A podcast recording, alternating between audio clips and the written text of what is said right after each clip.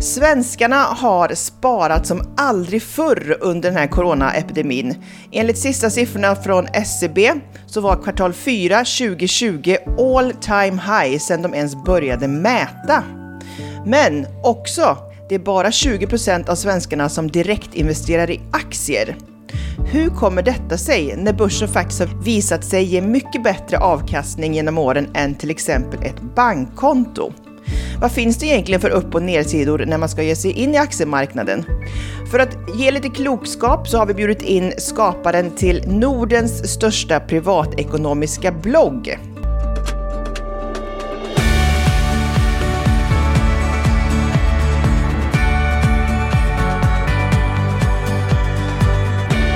Välkommen Jan Bolmesson från Rika Tillsammans. Tack så mycket för att jag får vara med. Det är vi som ska tacka. Jag antar att du inte har missat att vi sparar som aldrig förr.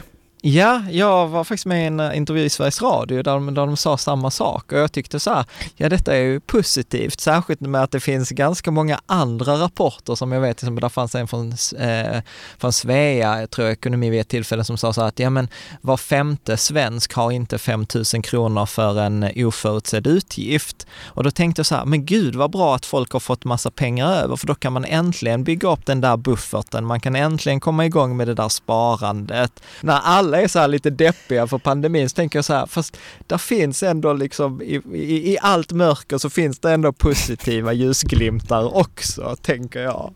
Nej men alltså så här lite skämt åsido så tror jag att det där är faktiskt ganska, ganska bra. För att precis som du sa också i introduktionen, att, att börsen är ju ett, ett ställe som liksom långsiktigt har gett den överlägset bästa avkastningen. Men problemet som jag tror att eh, många gör är att man, man, man ser det lite som svart eller vitt, utan där är jag en sån stark förespråkare av att liksom så här, men börja med att bygga upp en buffert och sen när du har din buffert, ja först därefter börjar man investera. Så att om liksom då till exempel aktierna har en tendens att de kan ju gå ner i vissa perioder, ja men då behöver inte det påverka din vardag. Lite som min fru Caroline i podden brukar säga, hon brukar säga så här, kostar det dig din nattsömn så är det för dyrt.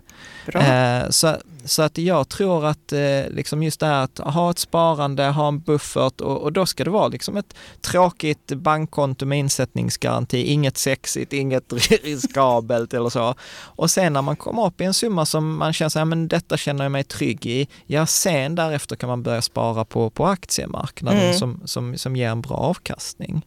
Men du, på tal om buffert, det är någonting vi pratar om mycket i den här podden. Vad tycker du är en eh, bra måttstock för hur stor buffert man ska ha?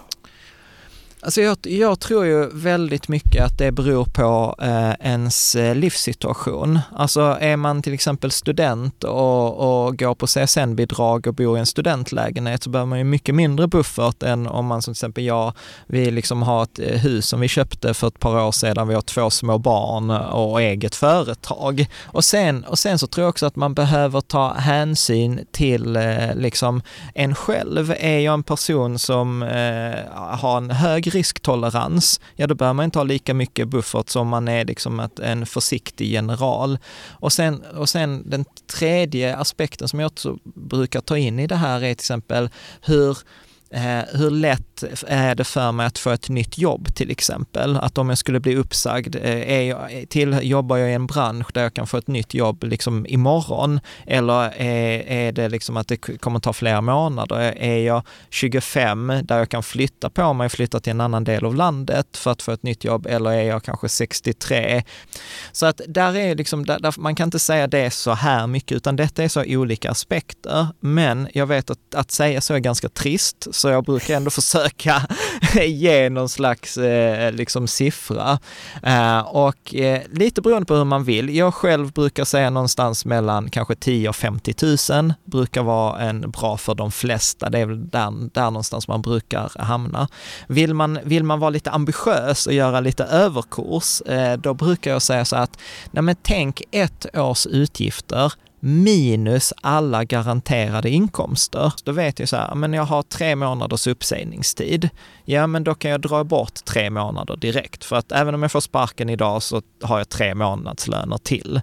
Eh, sen kan jag då tänka, okej, okay, men sen är jag med i a-kassan då kommer jag få en viss procent av min lön och då kan jag fundera så här, ja men då har jag en inkomstförsäkring som täcker upp min lön i sex månader. Ja men då kan jag dra ifrån ytterligare sex månader från de tolv månaderna och då hamnar vi på kanske en, två, tre månadsutgifter. Liksom. Allting är ju liksom relativt eh, i, i förhållande till de utgifterna man har. Sen, lite beroende på också ambitionsnivån, så brukar jag också skilja på utgifter, brukar jag skilja på det som jag kallar för liksom aktiva utgifter och passiva utgifter.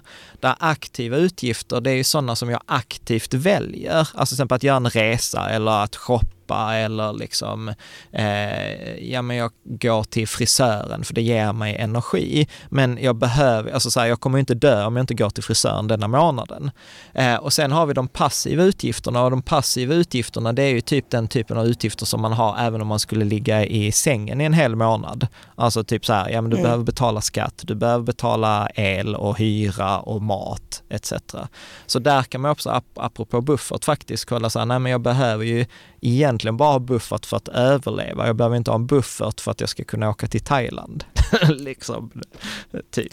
Nej, jättebra att få lite input på det här med buffert för att eh, som sagt, det är väldigt olika. Så det är intressant att höra ja. hur ni resonerar. Men som mm. sagt, ni har ju då en mega blogg plus podd också som eh, ni mm. försörjer er heltid på detta, eller? Ja, nu, mm. nu med. Och sidoprojekt till det såklart. Inte bara, vi försöker ju ha allting på bloggen gratis så att det är inte jättelönsamt. Men vi har massa, vi har en community och vi gör lite sidogrejer. Men absolut, det är ju jättekul. Det var ja. inte det som var meningen för 13 år sedan. Det, man får ju se vad, vad tror du att det här kommer ta er? Eller kommer ni hålla på med det till ni pensionerar er? Ja men, jag, ja, men alltså så här, jag tycker ju fortfarande att det är roligt och liksom så här 200 avsnitt in, och du vet, och då har vi ändå gjort ett avsnitt i veckan. Du vet, då, då är det fortfarande så här, liksom, där finns saker att säga om tjänstepension, där vi nu bjöd in en sån här pensionskonsult och så pratar vi om tjänstepension i två avsnitt. Och jag var så här, alltså när man börjar grotta ner i grejer så kommer den här klassiska att ju mer man lär sig, desto mer inser man att man ingenting kan Ja, kunskapens förbannelse, ja. Ja, men precis. Eh, nej, och sen så tror jag också att att eh, alltså jag köpte ju mina första aktier när jag var 15 och det är ju snart 25 år sedan. På 25 år så hinner man se och höra och testa det mesta och jag har gjort så mycket misstag så att min förhoppning med bloggen är ju att, eh, att, vi, att vi hjälper folk till en bättre ekonomi genom att de inte behöver göra alla de misstagen vi har gjort. Att vi kanske kan bjuda in de där rådgivarna som kanske kostar flera tusen kronor i timmen och så delar de med sig av sina råd och så kan man få det liksom och så blir det liksom små steg. Men det jag verkligen vill vara så här supernoga med att säga är att många av de viktigaste tipsen, då behöver man inte följa liksom vår podd eh, med liksom varje vecka mycket, utan de viktigaste grejerna i ekonomi, du vet, det är gjort på en timme och sen behöver man inte göra någonting på, på liksom tio år. Det, det är liksom det vi håller på med, det är ju så här, ja men, eh, liksom det är ju så här detaljer för man tycker att det är kul. Men, men de stora penseldragen som att, att ha en buffert, att spara, eh, att automatiskt investera som jag hoppas att vi kommer in på, att sätta pengarna på aktiemarknaden. Alltså det är ett engångsjobb, vilket jag tycker är så mest fantastiska med sparande. Att du vet, det tänk om liksom andra områden i livet var så att man städade en gång och sen behövde man aldrig mer städa på tio år. Men så är det ju faktiskt inte i ekonomi. Nej, det är ganska volatilt nu för tiden. Men du, jag mm. tänker, eh, bloggen startade ni 2007, eller snarare du. Ja, Varför precis. gjorde du det? Alltså där runt 2007-2008, alltså då lyckades jag med bedriften att förlora liksom majoriteten av mina pengar, inte för första gången utan till och med för andra gången. Och eh, då började liksom så en frustration, eh, så här, vad är det jag inte fattar? Fattar. För att då hade jag ju liksom börjat spara så när jag var 15 och gick på gymnasiet, så du vet, då var det så här, jag tog studenten 2000. Du vet, vi investerade i klasskassan, du vet så här, man samlade in och sålde grejer. Du vet, den, vi köpte Ericsson-optioner. Det var så här mångdubblade pengar, vi åkte på klassresa, ingen betalade någonting. Jag var så här, wow! Alltså hur, ja men jag var så här, hur svårt kan det vara med aktier? Och sen kom 2001 och man förlorade typ allt. Uh, och sen så pluggade jag, eh, hade inte så mycket pengar och sen började jag investera runt 2005 efter examen igen. Gick jättebra fram till 2008, förlorade allting igen. Och det var så här, men tusan också. Och, eh, och sen så var det ju liksom lite, alltså det är alltid så en massa tillfälligheter i livet, men min fru började doktorera Eh, och började liksom ha ett ganska forskningsbaserat angreppssätt på liksom livet och på, och då, då blev jag ju lite inspirerad av det där, började läsa massa böcker, så liksom vad är det som jag inte har fattat de här gångerna? Och då insåg jag helt plötsligt att alltså det finansbranschen säger Eh, och det forskningen säger om sparande ekonomi, det är två helt olika saker. Och det där tog mig ett par år att liksom verkligen landa i, vänta så här, vem ska man lita på, vad är det forskningen säger? Så att det var ju först där runt 2012, 13, 14 jag började verkligen så här, skippade allt det här med att försöka välja ut vilka aktier som kommer att gå bra, slutade prenumerera på Dagens Industri och allt det där som finansbranschen håller på med och konstaterade så här, nej men det forskningen säger är väldigt är liksom intuitivt. Så här, du kan inte förutsäga vilka aktier som kommer gå bra eh, imorgon eller inte. Så att det bästa du kan göra är så här, köp alla aktier. Eh, och äger du alla aktier, några kommer gå dåligt, några kommer gå bra, de kommer kvitta ut sig och sen kommer du gå som marknaden i genomsnitt. Mm. 994 av 1000 investerare underpresterar mot en strategi där man bara köper allt. Och det var så här, varför får man aldrig höra det där av banken? Men köp en global indexfond för det, eller en fondrobot och bara håll den i tio år. Skit i om det går upp eller ner. Bara liksom månadsspara regelbundet. Håll den här kostnaden låg och bara liksom gör annat i ditt liv. och, och, det, och det har väl liksom varit det som varit strategin sen, sen dess. Mm. Ja, det där är ju väldigt intressant att eh, experterna säger en sak, experterna inom citationstecken ja. då, och forskningen säger ja. en annan sak. Men man kan ju också ja. tänka sig att eh, utan de här experterna, då skulle vi knappt inte ha någon finansmarknad. Ja, fast jag, jag, tror, jag tror faktiskt att svaret är kanske lite enklare än så, utan jag tror att det handlar om så här att för att investera så handlar det om att man ska överbrygga så många av våra intuitiva känslor, att vi ska göra tvärtom mot vår intuition. Att alla lär vi oss från liksom när vi gick i skolan så här, om du bara anstränger dig mer, om du läser på extra timmar inför provet så kommer du få ett bättre resultat. Jag tror genuint det funkar så i alla områden i livet, att det finns en korrelation mellan din ansträngning och ditt resultat. Men eftersom då investerande Eh, är, handlar om eh, till viss del tur och eh, för att så många andra människor redan är så skickliga så funkar det inte att du anstränger dig mer, för det är alltid någon annan som också ansträngt sig. Och, och det som händer då, utan att gå ner för mycket i forskningen, då uppstår något som heter paradox of skill, som, händer, som, som säger så här att ju duktigare människor är i en aktivitet, som och delvis beror på tur, desto större inverkan kommer slumpen slumpen att få. Så grejen är, vad som, vad som händer här, är att du får liksom inte betalt för att du anstränger dig mer för att ditt, ditt resultat kommer ändå avgöras till viss del av slumpen. Och då är det bättre att plocka bort slumpen helt och hållet och säga så här, nej men då köper jag allt istället och så får jag den avkastningen som jag får och den avkastningen som jag får kommer ändå vara bättre än de här 994 människorna av tusen. Nej. Så att de menar liksom så här, ska du vinna över en eh, stormästare i schack, ja då ska du inte spela schack utan gör, spela fotboll. liksom så här, spe, spela ett annat spel än det alla andra eh, spelar. Mm. Och detta är jättekontroversiellt att säga detta i finansbranschen. För att ett, eh, liksom om, om det är så pass enkelt som jag säger att det är, vilket forskningen stödjer, vad ska finansbranschen ta betalt för? SVT hade ju ett reportage nu där Nordea tjänade 1,5 miljarder kronor per år på sina sådana här strategafonder som var dyrare och sämre än en sån här indexfond. Och, och återigen det där med ointuitivt. Vi har också lärt oss, köper vi en produkt, ju dyrare produkt, ju dyrare en jacka du köper, desto bättre kvalitet är den. Men när det gäller sparande så är det tvärtom, ju billigare produkt, desto bättre är den. Men det var ju väldigt eh, tankevärda ord du, och information du just gav oss till de som eh, faktiskt är nya och kanske ska ta steget in då.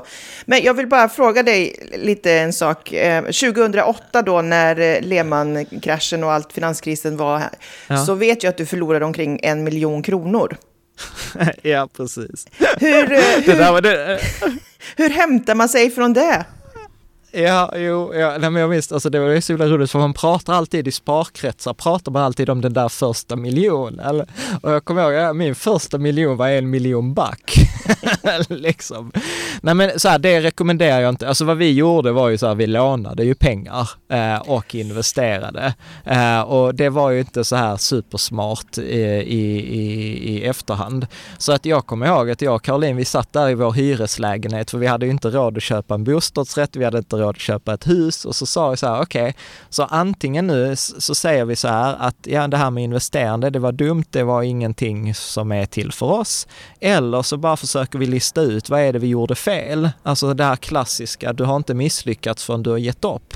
Och det är väl mycket den här, de här misstagen som jag försöker eh, liksom ge bort till folk. Liksom säga, ja, visst, eh, saker kan se jättebra ut som till exempel kryptovalutor eller liksom saker som är populära, men när man har ett lite längre perspektiv så ser man att det där, det där går över, det går i varv. Och tvärtom, det finns liksom, det finns inga genvägar. Men å andra sidan, det som är den positiva nyheten i det här är ju att den som är ointresserad, den som är lat, den som är passiv, den som inte tycker att det är särskilt kul med sparande, det är ju den som blir vinnaren. Och, och, och det upplevde jag redan då som ganska hoppfullt, att tänka att jag som inte tycker detta är jättekul kan ändå ta väl hand om mina pengar. Jag behöver inte ha dåligt samvete och jag kommer dessutom få ett resultat som är bättre än de flesta som har det som hobby och som engagerar sig och som jobbar skithårt. Tänk att vara lat och passiv och ändå vinna liksom. Det är nice. Det är fantastiskt. Så här, man, kan, man kan ju titta på det från två olika, två olika perspektiv. Alltså inte ens jag som liksom så här driver stor ekonomiblogg vaknar på morgonen och bara åh, jag ska titta fondsidorna i tidningen. Det, det är liksom, jag tror ingen går igång på fondkurser. Men eh, utan det som jag tror däremot är det, är det viktiga är att inte titta på pengarna eller ekonomin utan titta bortom pengarna. Så, så att jag brukar försöka titta på pengarna, vad är, vad är syftet med pengarna? Jo, men det är kanske att jag ska kunna ha mer tid med familjen familjen. Eller jag ska kunna ägna mig åt min hobby. Eller jag ska kunna starta det där företaget jag har drömt. Vad det nu må vara. Så att, eh, och jag tror att det är där du kommer att hitta energin. Alltså när man ställer sig den här frågan, varför ska jag avvara? Varför ska jag spara denna månad? Varför ska jag inte bara liksom köpa den där extra jackan? Ja, men då, då, då tror jag inte att liksom svaret kommer vara för att jag kommer ha 10 000 mer på kontot, utan svaret kommer vara för, för att jag kan gå i pension när jag är 55 och jag kommer kunna hänga med barnbarn barnen. Eller mm. jag kommer kunna segla jorden runt. Det, där hittar man energin. Och, och, detta var en insikt för mig som jag fick från en, en, en kompis som, som sa till mig ganska brutalt så här bara, Jan, Alltså, tänk om det inte är så att ekonomi är tråkigt, utan tänk om det är så att din ekonomi är tråkig. och jag var så bara, men, men, men det är lite tankvärt, liksom. Du vet, så här, man vaknar, man, man skakar till när man ja. liksom får höra en sån eh, grej.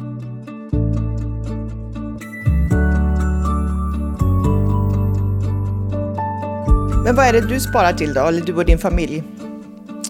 Alltså för, för oss har det väldigt mycket handlat om just den här valfriheten. Att, att, kunna, att kunna få välja, att till exempel nu har vi eh, små barn, att vi har en treåring och vi har en tioåring.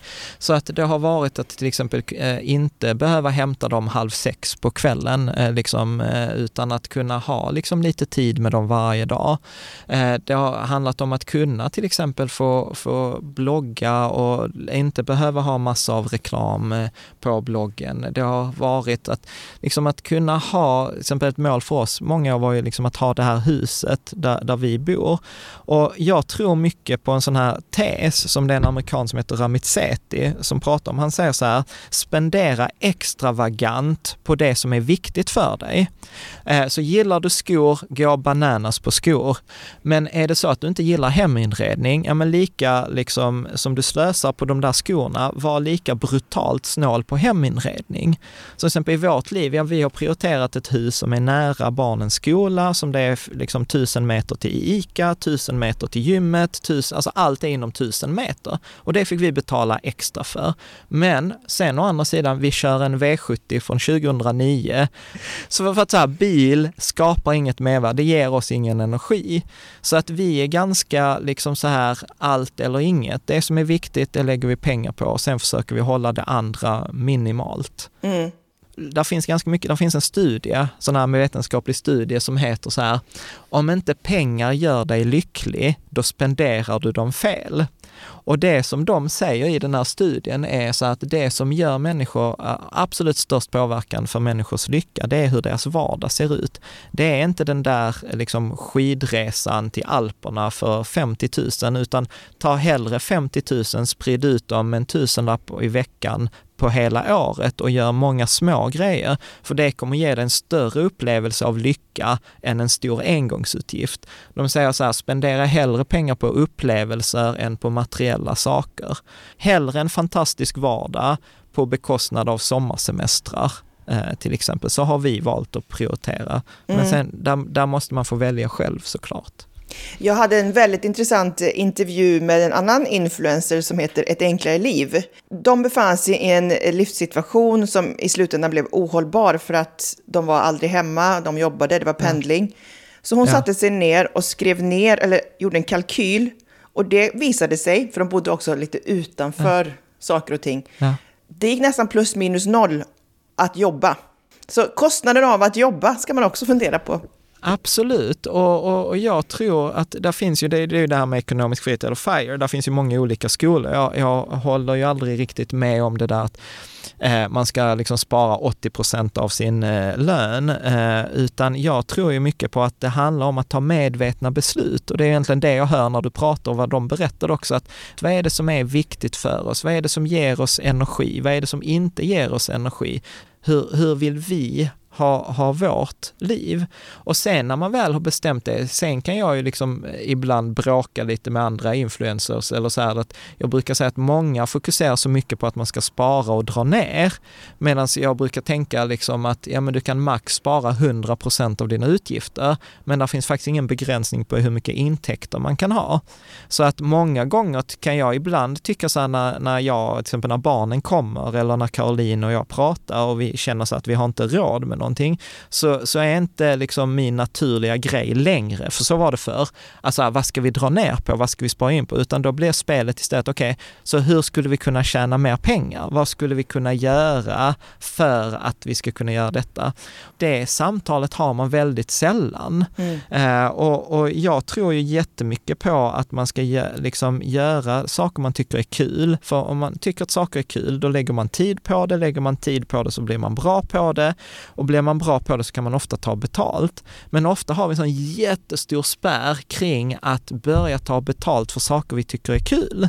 För att nej, då, då kommer det upp en rädsla så här, nej men om jag tar betalt för det jag tycker är kul, då kommer det inte vara kul längre. Eller då kommer det plötsligt krav, eller då kommer det plötsligt massa eh, liksom förväntningar på det där. Men om man kan ta sig bortom, för jag brukar säga så här, men testa, vad är det värsta? Det värsta är att du kan sluta ta betalt och göra precis som du gjorde innan. Och jag har så många historier från kompisar som har tjänat pengar på alltså så, så, så många konstiga saker. E- en av mina kompisar, Martin, han var så här, du Jan, alltså jag gillar att dricka öl. Och, och så var han så här, hur ska jag tjäna pengar på att dricka öl? Och jag kommer ihåg att jag tyckte så här, att det är nog svårt alltså. Men sen så kom han fram till, liksom träffades vi några veckor senare och så berättade han så här, du, nu har jag kommit på hur jag tjänar pengar på att dricka öl. Och så var han så här, Köpenhamn, fantastiskt ställe. Och då hade han koll på alla banor, så då började han göra så här krogrunder. Och då liksom fick folk betala liksom ett par hundra och sen så tog han med dem på de bästa ölställena i, i, i Köpenhamn. Och sen så fick han dricka öl med folk som också var ölintresserade, de betalade pengar för det. Och han var så här, alltså detta är helt sjukt, jag får betalt för att ha, hänga ute en fredagkväll i Köpenhamn och dricka öl. Och då var det liksom så här en kul grej som han tjänade pengar på. Sen var det kanske inget han ville göra resten av livet, nej, men det nej. var ändå liksom en, ett sätt att tänka utanför boxen, att ställa sig den här frågan, hur kan jag tjäna pengar på att? Mm. Liksom. Men det tycker jag är väldigt bra nu i dessa tider, för att nu kan man hyra ut väldigt mycket av sina egna grejer. Ja. Hyr ut din bil, hyr ut ditt boende, hyr ut kläder ja. till och med, eller sälja kläder. Ja. Så att, eh, det finns, vi... finns sätt att tjäna faktiskt lite extra pengar på. Ja, och, och, och om, om man ska liksom gå ner det, den stigen så är det så här, alltså jag tror de flesta har talat om Pewdiepie. Mm. Alltså du vet, han omsätter ju flera miljoner på att spela dataspel. Liksom. Eller, eller som när jag hade min dotter som tittade på, så här, på YouTube, detta är nu det galnaste. Uh, jag kollade på YouTube och, och så här, tre år gammal, du vet så här uh, unboxing-videos. Du vet, någon tog fram ett Kinderägg, tog av liksom den här folien, öppnade chokladägget, la undan chokladägget, öppnade den här lilla gula grejen, byggde ihop leksaken, tog nästa Kinder. Så här, 53 minuter långt. Och jag var så här, det är något fel på min unge som kollar på det här. Och sen så bara tittar jag så här, 153 miljoner visningar. Och då är det ändå så här, som influencer, det vill säga, jag håller ändå på med YouTube, jag vet så här ungefär en miljon visningar, det är ett par tusen i reklamintäkter, säg 10 000 för det ska bli enkelt. Då är det så här, liksom okej, okay, en miljon eh, visningar, 10 000, 10 miljoner, 100 000, 100 miljoner, en miljon. Alltså någon har tjänat över en miljon kronor på ett 53 minuter långt YouTube-klipp där de bygger ihop leksaker från Kinderägg. Och det är bara att fråga sig själv, vet, om någon hade kommit och bara sagt så här, du, vet du vad, jag har en skitbra eh, idé. Vi, vi gör så här att vi köper en kamera, vi köper 50 Kinderägg och du behöver bara ge mig en halv miljon och så kommer du få en halv miljon i avkastning. Alltså man hade ju tyckt att den människan borde gå och nyktra till. Jag tror vi skulle ha mycket roligare i livet om vi la mer tid där än att jaga 10 öre billigare bensin liksom på andra sidan stan.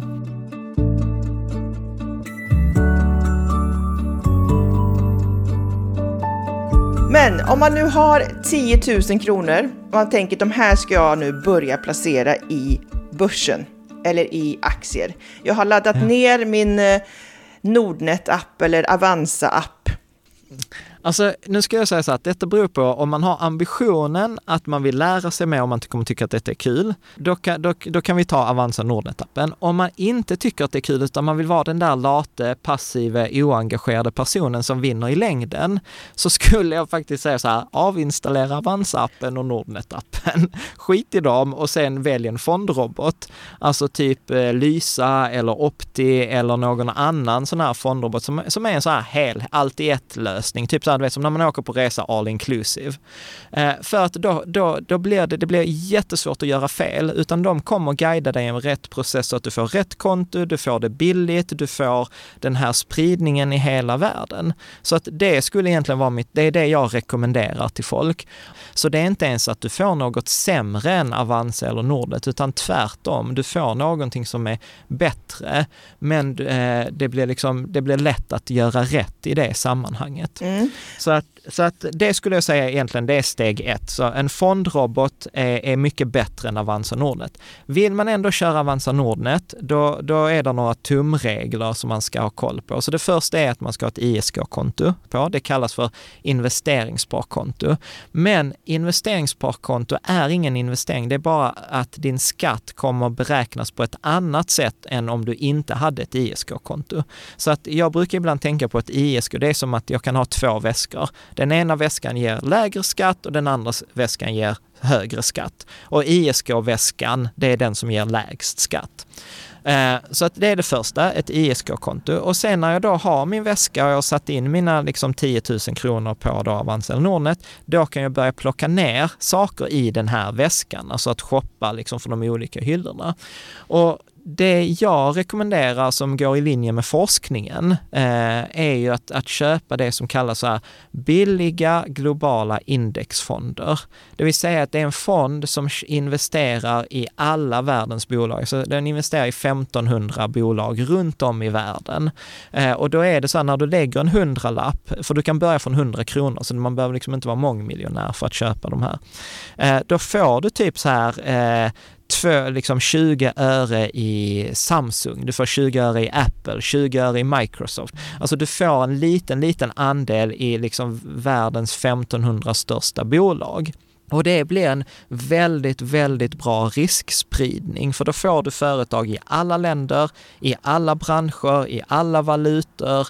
Så att mm. det, är liksom, det, det, är det bästa man kan göra. Och då kan man ofta söka på så här global indexfond. Jag själv gillar eh, till exempel så här eh, de billigaste, för ju billigare desto bättre. Så att där finns ganska många. Jag själv gillar Länsförsäkringars globalfond. Eh, Avanza har en bra globalfond, Nordnet har en bra globalfond. Så att det viktiga är att du läser att det är en global indexfond och eh, super, super, super viktigt. Avgiften bör aldrig vara mer än 0, 0,2 till 0,4 procent. Och det är that's it. Mycket bra info. Eh, vad kan man eh, förvänta sig för avkastning, tänker du? Det är jättesvårt att svara på såklart, men... Ja, alltså det är jättesvårt att säga vad du kommer få nästa år eller de kommande, kommande veckorna. Däremot är det ganska enkelt att säga baserat eh, på liksom längre tidsperioder. Så när man sparar i aktier, för det första så brukar jag säga så här att, eh, att eh, pengar som ska användas inom två år, de ska inte vara i aktier överhuvudtaget utan de ska vara på ett bankkonto med en insättningsgaranti. Så ska man, sparar man till en kontantinsats och ska köpa ett hus om två år, skit i Avanza, skit i Nordnet, skit i fondrobotarna, pengarna på ett bankkonto. Utan eh, aktier, de här indexfonderna eller fondrobot, det är när du har ett perspektiv på minst 5 till 10 år, alltså ett längre perspektiv. För att om du tittar på en enskild dag, då är det ungefär 50-50 om börsen går upp eller ner. Eh, tittar du på ett års sikt så är det ungefär 60-40 att den går upp, 60% sannolikhet att den går upp, 40% att den går ner. Tittar du över en tioårsperiod, då är det plötsligt 90 till 93% sannolikhet för att det går upp. Tittar du på en 20-årsperiod så är vi på 99, liksom 2,99,3 procent sannolikhet att det går upp. Så att det viktigaste att komma ihåg här är att tiden är din bästa vän. Mm. Så ibland så kommer det folk och säger så här, men att eh, investera i aktier, det är som att spela på ett kasino. Och då säger jag så här, ja på kort sikt, på en vecka, på en dag, på ett år, absolut. Men att eh, investera på tio års sikt där du har över 90 procent sannolikhet eller ett pensionssparande på 20-25 års sikt, då har du 99, liksom x procent, då är det inte chansa längre om du vinner i 99 fall av 100. Och eh, faktiskt en grej till som är viktig att tänka på.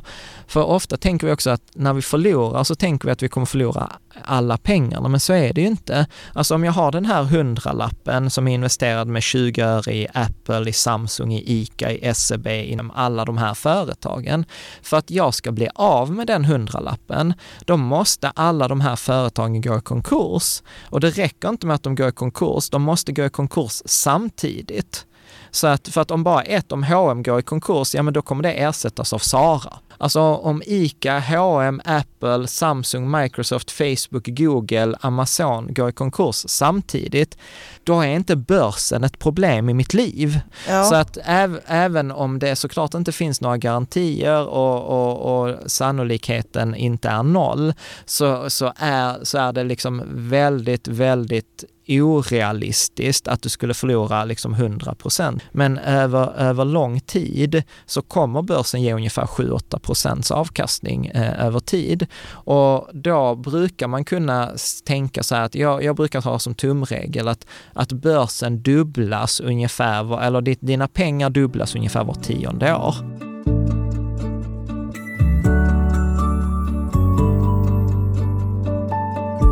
Här fondrobotarna då, hur funkar de? Det är egentligen samma sak, det är bara att de har automatiserat de här globala indexfonderna. Så en fondrobot är de facto en global indexfond. Det är bara det att de har liksom lagt det på en hemsida med ett månadssparande. Så du kan liksom inte välja, oh, jag vill ha liksom en Tysklandsfond och min globalfond eller en Sverigefond, utan, utan du får en sån här one size fits all lösning. Okay. Så att det är liksom en förenkling. Och det är därför jag gillar dem, för att liksom de två besluten du får ta typ på en sån här fond fondrobot är så här, vill jag spara hållbart eller inte och hur länge ska jag spara? That's it. Sen mm. kan du inte välja vilka fonder eller vilka avgifter utan då har de förhandlat de billigaste fonderna, de förhandlar växling, de förhandlar månadssparande, ISK. Så du får liksom allt serverat. Och, och priset för en sån här fondrobot, det ligger ju på 0,4 procent. Så det är samma du betalar max 0,1 procent extra mot vad du hade gjort på Avanza eller Nordnet, men du slipper allt bekymmer. Och viktigt att tillägga också, man kan månadsspara även i sådana här konton. Så man behöver inte ha massa pengar från början.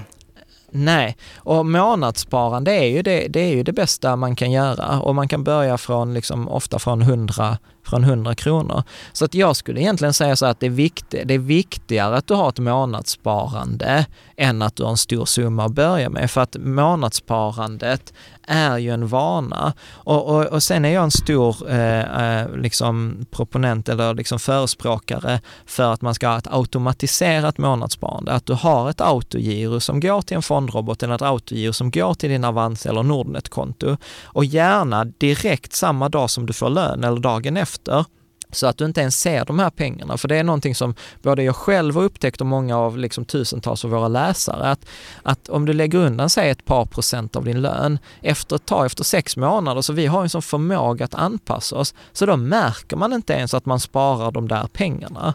Eh, så att det blir ofta en så här positiv överraskning, att eh, liksom, gud, blev det så mycket pengar? Och jag har inte ens saknat dem. Nej, det bästa är att glömma bort det där kontot ibland. Ja, gud ja. Alltså nu vet jag inte om detta är sant. Detta kan vara en skröna för jag har liksom inte hittat källan. Men det sägs att Fidelity, eh, som är så typ som Avanza, alltså en bank i USA, gjorde en sån här studie eh, på liksom vilka var deras mest framgångsrika kunder, vilken kundkategori det var. Och då, då visade det sig att den kategorin kunder som var absolut bäst, det var de av deras kunder som var döda. För att de loggade inte in på sitt konto, de bytte ingenting utan de var just så här passiva, lata, oengagerade. Eh, och, och, det ger liksom eh, statistiskt sett så kommer det ge bäst resultat över lång tid.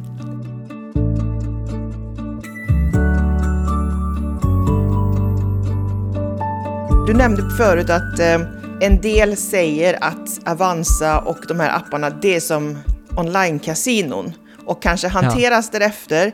Vi vet att antalet aktiesparare ökar i åldern 20 till 30 och det är framförallt killar. Ja. Vi har sett att man kan bli rik väldigt fort på börsen. Till exempel GameStop, det var inte så länge sedan. Det är en sån eh, märklig rally, rallyaktie med inget, ja. med inget värde egentligen. Och eh, vi har kryptovalutor, vi har sett bitcoin. Ja. Man hade kunnat vara mångmiljonär nu om man hade köpt ett par stycken i början och så vidare. Mm. Vad har du att säga om alla de här raketerna?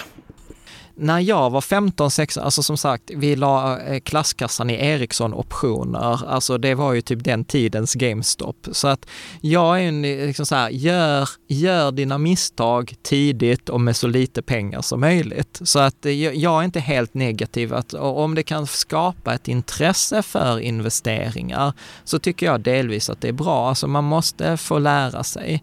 Sen kan jag ju liksom, som har gjort detta i 25, eh, 25 år och börjar bli liksom lite så här gammal i gamet. Jag rör ju inte eh, kryptovalutor med tång. Du vet aldrig liksom när du ska kliva av. När man är på toppen, det är inte så många som tänker på det, men när man är på toppen, då är det ju som mest optimistiskt. Men dagen efter när vi har passerat toppen, ja det är ju den näst mest optimistiska dagen. Så det är ingen som säger så här, åh nu är vi på toppen, nu går det neråt, utan även när det går neråt så är det fortfarande optimistiska dagar, för det är ju nära den där toppen. Så det är extremt extremt svårt att, att kliva av. Och det finns så många tusentals historier, både i GameStop och i andra, där folk har förlorat massor av pengar. Men där tänker jag så här, så länge det inte påverkar dig eller dina kära eller din vardag negativt, att du hamnar i liksom skuld, eh, spelmissbruk etc.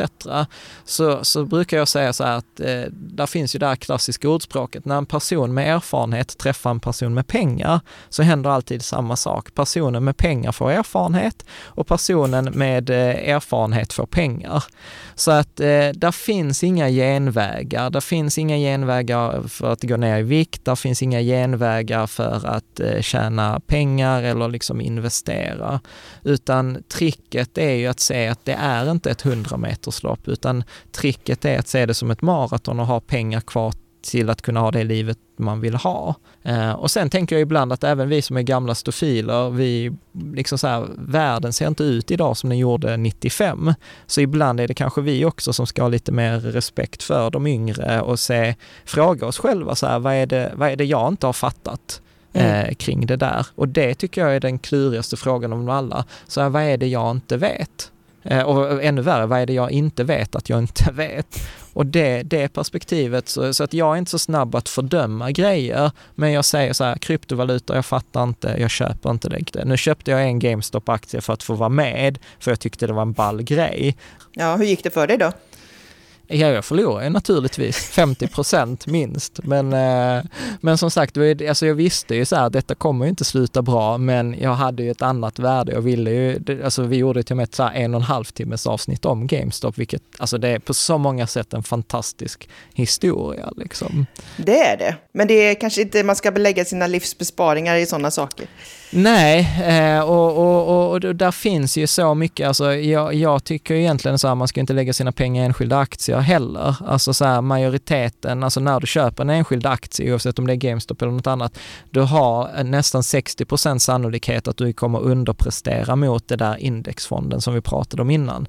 Så du har oddsen så massivt emot dig och ju färre aktier du har, desto större större sannolikhet är det att det inte kommer fungera. Och, och det är ju bara liksom slå upp valfri liksom ekonomitidning så läser man om de här som exploderar. Man hade stort innehav och det gick bra så länge det gick bra.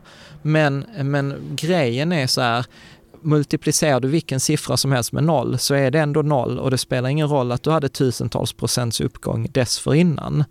Och det är den risken, jag vill ju inte tappa bort 25 års sparande för att jag skulle vara med på en kryptovaluta.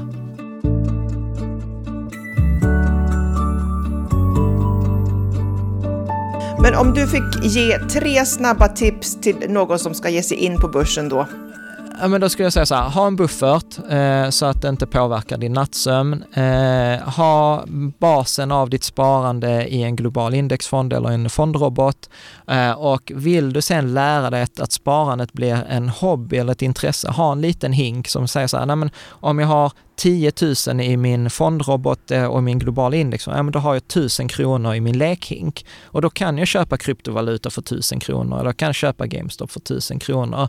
För att då har jag isolerat det, att har jag fel i den där lekhinken så har jag maximalt förlorat 10% av mitt kapital. Och sen är det där andra, det sparandet som forskningen visar fungerar, ja men det får vara trist och det får vara som att se målarfärger torka eller se gräs växa. Och så får jag väl få utlopp för min spänning i den där lilla lekhinken eh, istället. Mycket bra tips. Och sista frågan då. Ditt bästa ja. respektive sämsta köp?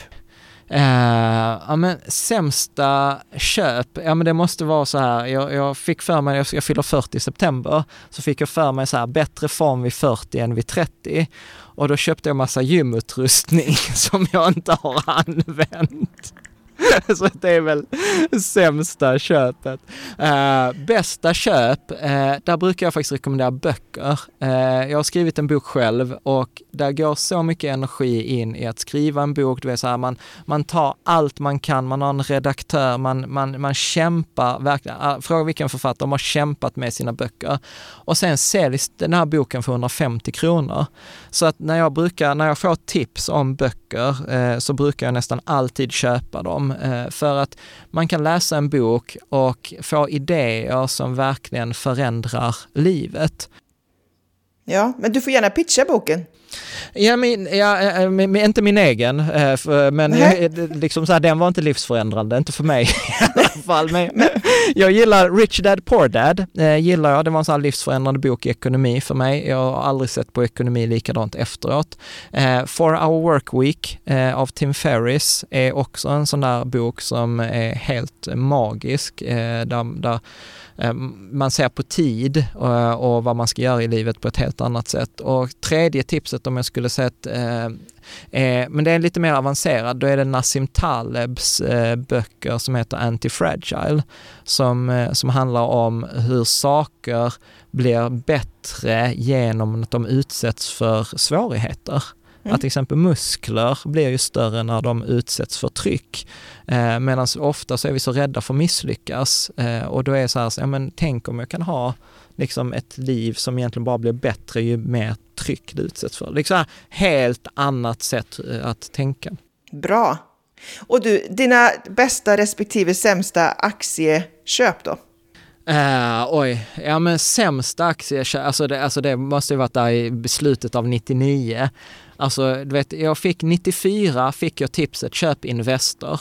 Eh, som är så här, svensk klassiskt eh, Wallenberg-familjen. Ja men supertryggt och jag tror att den har, alltså den har mer än tiodubblats i värde sedan dess. Men jag sålde Invest för jag tyckte det är ju skittråkigt, alltså Wallenberg, alltså hur mossiga får man bli? Och då köpte jag så här Icon Media Lab och Sting Networks och framför så här Jonas Birgersson eh, och, och du vet, så, verkligen så här, gick, Sting Networks tror jag så här gick i konkurs och det värsta var så här att jag hade kvar dem i depån för de hade inte riktigt gått i konkurs, men det var typ värt några ören och sen fick man ringa till Avanza och så fick man betala extra för att bara få bort skiten från depån. Så det var så här, när man väl hade fått den där förödmjukelsen, ja men då kom den en gång till när man skulle få bort det.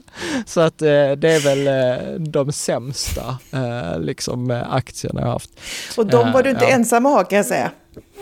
det var, skönt. Stort tack eh, Jan för att du ville dela med dig. Vilket fantastiskt eh, samtal vi har haft och vad mycket du kan och vad mycket jag har lärt mig och förmodligen våra ja. lyssnare också kommer lära sig. Ja. Ja men tack så hemskt mycket Linda. Och, och, där är det också så här, finns det frågor så är det bara att återkomma. Ja och eh, bloggen finns ju då på rikatillsammans.se och podden heter ju likadant då. Precis. Tack så mycket för att jag fick vara med Linda. Ja tack. För fler tips, råd och verktyg om hur du hittar ditt lagom, besök shoppalagom.se. Shoppa Lagom är ett initiativ av Alectum Group.